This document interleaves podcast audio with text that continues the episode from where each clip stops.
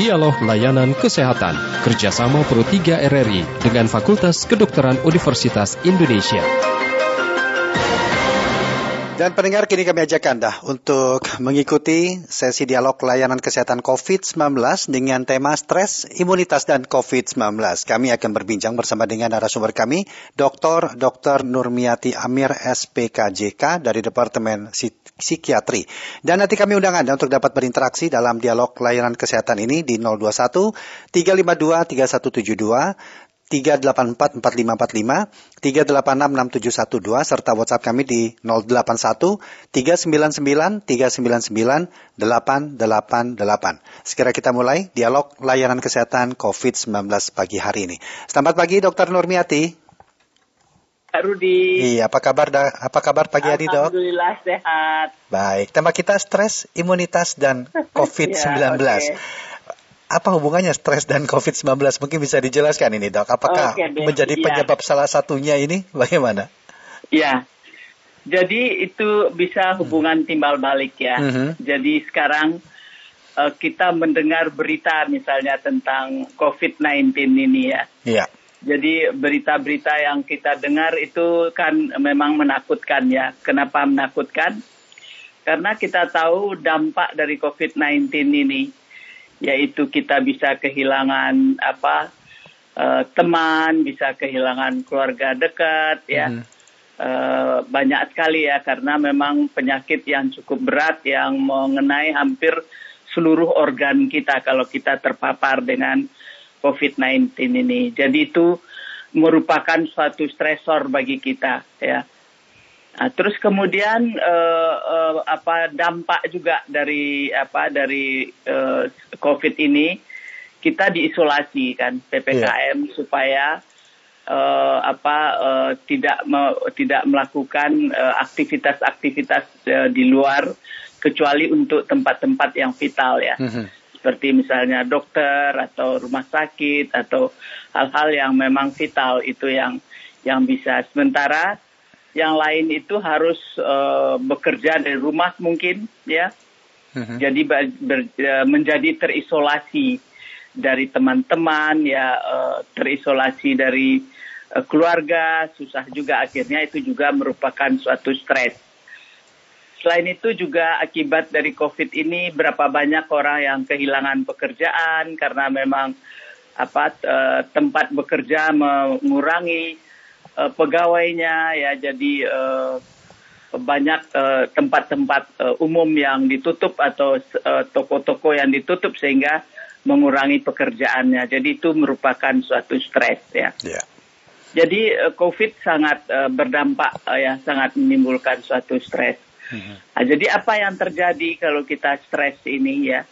Jadi yang terjadi adalah uh, apa namanya hormon stres kita keluar. Mm-hmm jadi ada hormon stres yang kita mempersepsikan ini memang yang menakutkan bagi kita meskipun kita tidak kena dengan apa dengan covid itu ya tetapi apa e, melihat apa mendengar atau melihat menjadi saksi barangkali bagaimana keluarga kita terpapar itu itu merupakan stresor bagi kita gitu tekanan hmm. bagi kita ya yeah. Ah, jadi itu uh, kita interpretasikan uh, otak kita akan berpikir ini tekanan. Yeah. Tadinya keuangan kita cukup, sekarang keuangan berkurang. Yeah. Ini tekanan ya. Jadi hormon stres kita akan keluar. Yeah. Hormon stres itu uh, uh, di, dari otak keluar ya, terus keluar terakhir uh, dia merangsang hormon stres juga di anak ginjal kita. Mm-hmm. Namanya kortisol. Nah, nanti hormon kortisol ini yang memberikan berbagai dampak. Ya. Uh-huh. Jadi tingginya kortisol itu bisa berdampak ke penyakit fisik dan penyakit jiwa. Penyakit fisik misalnya ya, dengan kortisol yang tinggi tadi maka dia bisa memecah glikogen kita. Glikogen itu cadangan glukosa kita uh-huh. yang ada di dalam liver kita. Jadi karena kita stres itu dipecah kita yang tadinya tidak uh, kencing manis bisa menjadi kencing manis. Kita yang tadinya kencing manis kita terkontrol, yeah. bisa kencing manis kita menjadi tidak terkontrol. Kemudian juga dia bisa uh, meningkatkan tekanan darah kita. Tekanan darah yang tadinya terkontrol, nggak bisa terkontrol lagi dengan obat ya. Mhm. Sehingga dampaknya bisa bermacam-macam. Bisa ke pem, apa pembuluh darah jantung kita, sehingga dapat penyakit jantung ya. Mhm. Kemudian juga berdampak ke pembuluh darah otak kita, sehingga bisa orang mengalami stroke ya karena uh, stres tadi itu. Jadi dampaknya terhadap uh, apa penyakit-penyakit fisik. Ternyata hormon stres itu juga tidak berdampak kepada penyakit fisik ya. Juga berdampak kepada penyakit jiwa. Orang bisa uh, bisa cemas ya. Jadi cemas itu apa? Misalnya berjadi berdebar-debar, ketakutan yang terus-menerus ya, merasa pegal-pegal, merasa dingin dan apa namanya panas mengalir di badan, ketakutan sehingga konsentrasi menjadi buruk gitu. Kadang-kadang berpikir ini saya juga mati nih sempoyongan padahal tidak ada apa-apa. Yeah. Tapi merasa sempoyongan, merasa uh-huh. tidak seimbang, berpikir untuk mati mendadak gitu. Selalu khawatir gitu. Uh-huh. Khawatir aja gitu kan. Khawatir akan seperti apa masa depan, khawatir anak akan terpapar selalu dalam keadaan cemas. Nah, selain itu bisa juga depresi sebaliknya. Hmm, yeah. Merasa sedih, merasa hampa, merasa tidak berguna, tidak berdaya, tidak ada harapan lagi ke depan gitu, berpikir seperti itu dan konsentrasi juga bisa buruk gitu. Dan akhirnya kadang-kadang berpikir ya udahlah nggak guna hidup lagi gitu. Mm -hmm dan akhirnya hmm. berpikir untuk mengakhiri hidup dan bisa berakhir dengan tindakan mengakhiri hidup.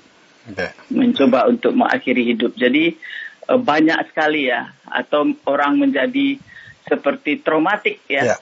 Seperti gejala traumatik. Jadi seperti gejala uh, eh, post traumatic uh, stress disorder ya. Jadi misalnya uh, orang bisa bermimpi buruk gitu. Bisa terbangun tengah, tengah malam seolah kena COVID gitu. Mhm. Kemudian berdebar-debar dan tidak bisa tidur lagi gitu.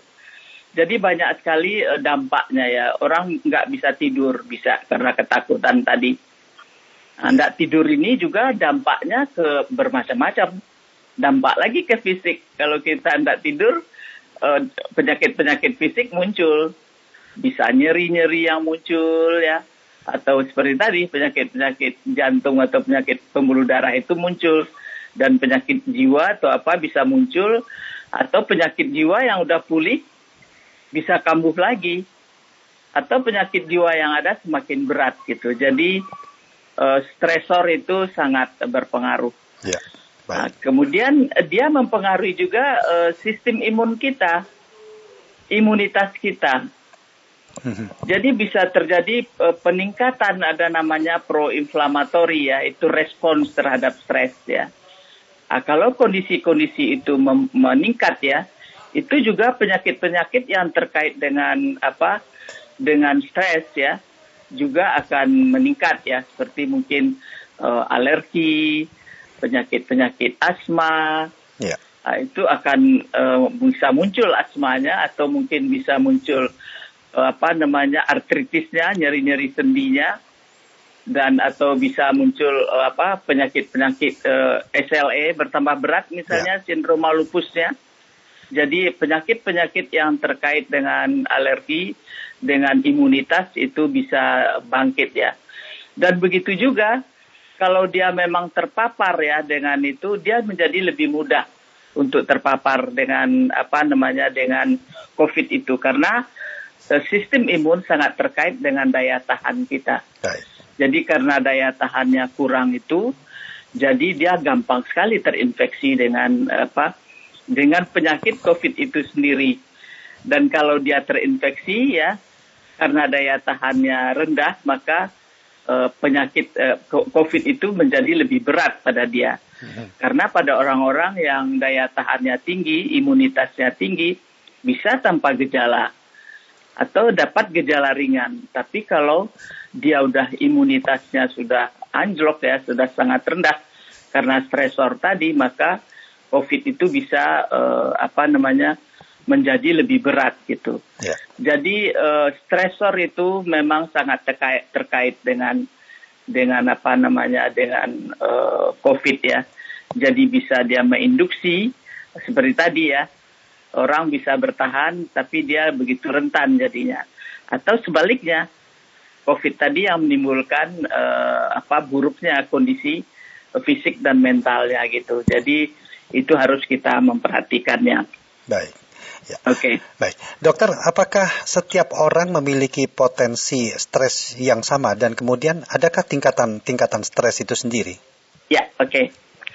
Jadi apakah orang berpotensi untuk uh, apa namanya mengalami stres? Ya? ya. Ya, jadi uh, sangat individual ya.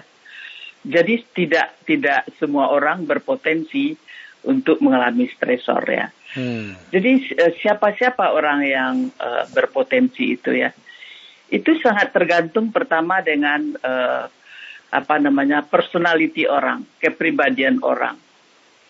Yeah. Ada kepribadian orang ini yang yang kepribadian yang tidak tangguh ya. Hmm. Jadi orang yang tidak tangguh kepribadiannya itu orang-orang uh, itu akan uh, mempersepsikan stres apa segala sesuatu yang terjadi di lingkungannya kan tiap hari ada aja yang terjadi dalam lingkungan kita. Yeah, yeah. Kita akan terpapar dengan macam-macam, tidak hanya dengan COVID ini. Tapi karena dia tidak tangguh ya, artinya dia tidak tangguh secara personality, secara kepribadian, maka dia mudah untuk menjadi stres ya. Nah, terus kemudian pengalaman dia, orang-orang yang sudah berpengalaman menghadapi stresor, terus kemudian ternyata dia bisa mengatasi stresor itu, Baik. Ah, terus dia akan uh, akan bisa gitu loh menghadap akan punya pengalaman dan kemampuannya untuk uh, apa untuk mengatasi stresor itu, itu lebih ya? lebih lebih baik gitu. Baik. Nah, ya. terus kemudian memang orang-orang yang punya skill mm-hmm. mempunyai keterampilan dia untuk mengatasi stresor itu. Mm-hmm. Banyak sekali orang yang um, apa melatih kemamp- kemampuan dia cara berpikir dia uh-huh. jadi mampu menganalisis ya karena itu stresor atau tidak dianalisis oleh otak kita. Yeah. Jadi ada prefrontal cortex namanya otak kita bagian depan ini itu menganalisis itu segala sesuatu yang menimpa kita baik itu fisik atau stresor psikologik ya atau stresor fisik seperti fisik misalnya kita ditimpa suatu penyakit. Atau misalnya uh, kita ditimpa suatu masalah, uh, terus otak kita tadi mencoba menganalisis, oh ya ini memang masalah, tapi saya akan mengatasi masalah ini dengan cara begini. Oke, okay, saya menderita uh, diabetes, tapi ada dokter yang akan menyelesaikan ini. Yeah, saya yeah, bisa berolahraga, saya bisa melakukan uh, apa namanya hal-hal uh, uh, yang jadi uh, banyak sekali ya faktor. Baik. Terus kemudian uh, apa namanya orang-orang yang memang uh, sudah mengalami uh, suatu uh, penyakit ya, penyakit fisik ya. Jadi itu kemampuan dia menganalisis stresor itu uh, kurang ya. Jadi misalnya orang dengan nyeri yang kronik ya. Uh-huh. Nah itu ada bagian dari otak kita juga yang yang mudah sekali tercetus ya apa ter teriritasi dengan suatu stresor. Ringan aja stresor kita udah mulai uring-uringan, ya. kita mulai marah ya. Karena kita memang uh, sudah uh, menderita ya. Jadi sangat sensitif kita dengan stresor itu. Baik.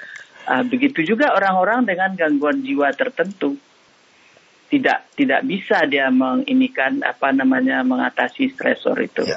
Baik. Nah, tapi orang-orang yang ada dukungan, dukungan dari teman, dukungan dari sosial lainnya gitu ya, dari keluarga yang baik itu bisa juga membantu orang kop dengan stresor itu. Ya.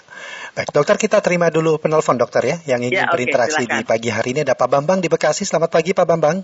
Selamat pagi. Iya. Assalamualaikum warahmatullahi wabarakatuh. Waalaikumsalam warahmatullahi wabarakatuh. Silakan Pak Bambang. Salam sehat, Dok. Salam sehat Pak Bambang. Iya, saya kepenginnya sepertinya COVID ini kan bisa di, seperti Delta udah ada eh, udah tiga udah hampir mau tiga tahun kan bisa ada analisa gitu dok. Jadi masyarakat tercerah gitu dok. sepertinya ini delta ini penyebabnya pusing, demam, pilek, obatnya ini untuk pencegah untuk mengurangi pencegahannya ini gitu. Seperti uniform ini sepertinya pilek, batuk gitu. Ya. agar bisa ya. uh, masyarakat bisa cerah tercerahkan gitu dok. Baik Pak Bambang kami ya. sudah bisa menangkap maksudnya. Jadi bagaimana nih dok? Mungkin kasus nah. seperti ini tidak sedikit ya. Ada banyak orang yang ya, tadi sempat banyak. dokter singgung. Silakan dok.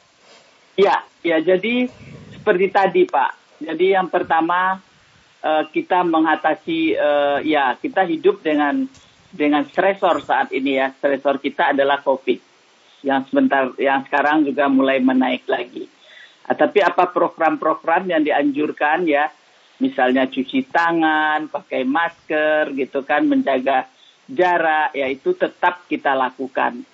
Nah, tapi seperti yang saya sarankan tadi ya, mulai kita dari diet kita yang baik gitu ya makanan yang baik ya kita olahraga pak hmm. jadi yang tadi selain daripada tadi kita memulai ber, ber apa berpikir positif gitu ya. Tidak menjadikan ini suatu stresor tapi kita mengatasi dengan jalan itu. Terus banyak hal-hal yang lain yang kita lakukan untuk meningkatkan imunitas kita. Apa hobi kita? Seperti sekarang tuh banyak ibu-ibu bertanam kembang menikmati. Jadi tergantung juga dari kitanya gitu, menikmati yeah. kembang itu sehingga dia bahagia. Dia berolahraga, terpapar dengan cahaya matahari ya, sehingga itu meningkatkan imunitas kita. Jadi bagaimana kita sekarang bisa berdamai dengan stresor ini? Tentu dengan cara-cara yang seperti tadi ya. Insya Allah kalau kita lakukan cara-cara itu dan kita vaksin ya, mhm. moga-moga ini cepat juga berakhir gitu Pak. Jadi um, ya hal yang yang apa namanya yang kita harus optimis terus ya bahwa kita akan bisa melalui hal ini gitu ya. dengan melakukan hal-hal yang seperti tadi. Ya. Yang penting jangan dijadikan ini suatu stresor kita uh -huh. hidup seperti biasa uh -huh. dengan uh, menjaga yang tadi ya menjaga supaya kita tidak terpapar itu aja yang bisa kita lakukan. Uh -huh. ya. Apakah itu yang dimaksud dengan manajemen stres, dok? Atau mungkin ada hal lain yang bisa dijelaskan di sini? Ya, ya. Jadi itu, jadi seperti tadi ya, kita memanage stres itu seperti berbagai macam hal tadi. Mm-hmm. Ya, apa yang bisa kita lakukan tadi ya, misalnya melakukan hal-hal yang uh, menyenangkan, menghilangkan pikiran kita dari hal-hal yang yang apa yang uh, buruk itu karena kadang-kadang kalau kita selalu berpikir buruk, maka pikiran buruk itu buruk-buruk dia akan otomatis jadinya. Jadi semua uh, apa semuanya akan jadi buruk karena saraf kita sangat mudah kita latih.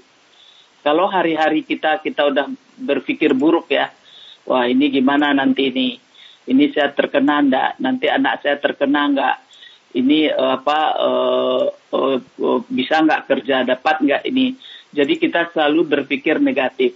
Dan kalau itu yang kita repeat, kita ulang terus-menerus, ya itulah yang yang akan uh, ada ya menjadi habit di otak kita untuk berpikir itu. Jadi itu yang kita kendalikan yang pertama. Nah, yang kedua yaitu ya cara mengalihkannya itu mengalihkan ke pikiran-pikiran yang lebih optimis atau dengan melakukan perilaku-perilaku yang lebih uh, positif gitu ya seperti yang yang saya terangkan tadi. Jadi ya. itu yang harus kita lakukan supaya kita tidak stres dan tentu kita harus mengetahui seperti yang saya katakan tadi. Kalau kita stres, dampaknya bermacam-macam kan, kita terhadap fisik, kita yang tidak sakit jadi sakit, ya tidak ada penyakit itu jadi muncul penyakit itu karena memang kita rentan penyakit fisik atau penyakit jiwa. Ya. Apakah kita akan mengambil hal itu?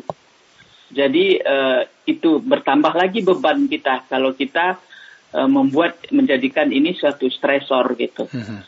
Jadi ini uh, ini yang perlu kita pikirkan ya kita meng, manage pikiran kita, kita manage emosi kita, tidak bisa marah meledak-ledak karena hmm. kan terkurung di rumah ya seperti sekarang kita diminta di rumah itu kan kita sensitif Akibatnya marah kepada anak, marah kepada istri, marah kepada saudara. Mudah banget tertrigger gitu. Mhm. Tercetus marah itu. Padahal setiap kita marah, hormon stres kita pasti keluar. Dan itu dia pasti bekerja ke mana-mana. Ya. Ya, jadi uh, mempengaruhi tadi itu semuanya tadi itu. Baik. Jadi kita tidak mungkin melakukan itu supaya kita tidak tidak menderita penyakit fisik dan penyakit jiwa. Ya. Baik, terima kasih Dr. Nurmiati Amir sudah bersedia meluangkan waktu dalam dialog layanan kesehatan COVID-19 ini. Semoga apa yang disampaikan bermanfaat buat kita semua. Terima kasih dokter, selamat kembali ya, beraktivitas. Sama-sama Pak Rudi. Iya, salam sehat dan selamat pagi dok. Iya, salam sehat, selamat pagi. Demikian tadi dialog layanan kesehatan COVID-19 kerjasama FKUI dan RRI dengan tema kita stres, imunitas, dan COVID-19. Terima kasih untuk Anda sudah berpartisipasi dalam dialog layanan kesehatan kali ini. Anda dapat mengikuti dialog ini setiap hari Senin hingga Jumat tentunya dengan tema dan narasumber yang berbeda. Demikian dialog layanan kesehatan kerjasama Pro 3 RRI dengan Fakultas Kedokteran Universitas Indonesia. Acara ini bisa Anda dengarkan setiap Senin sampai dengan Jumat pukul 9.30 waktu Indonesia Barat.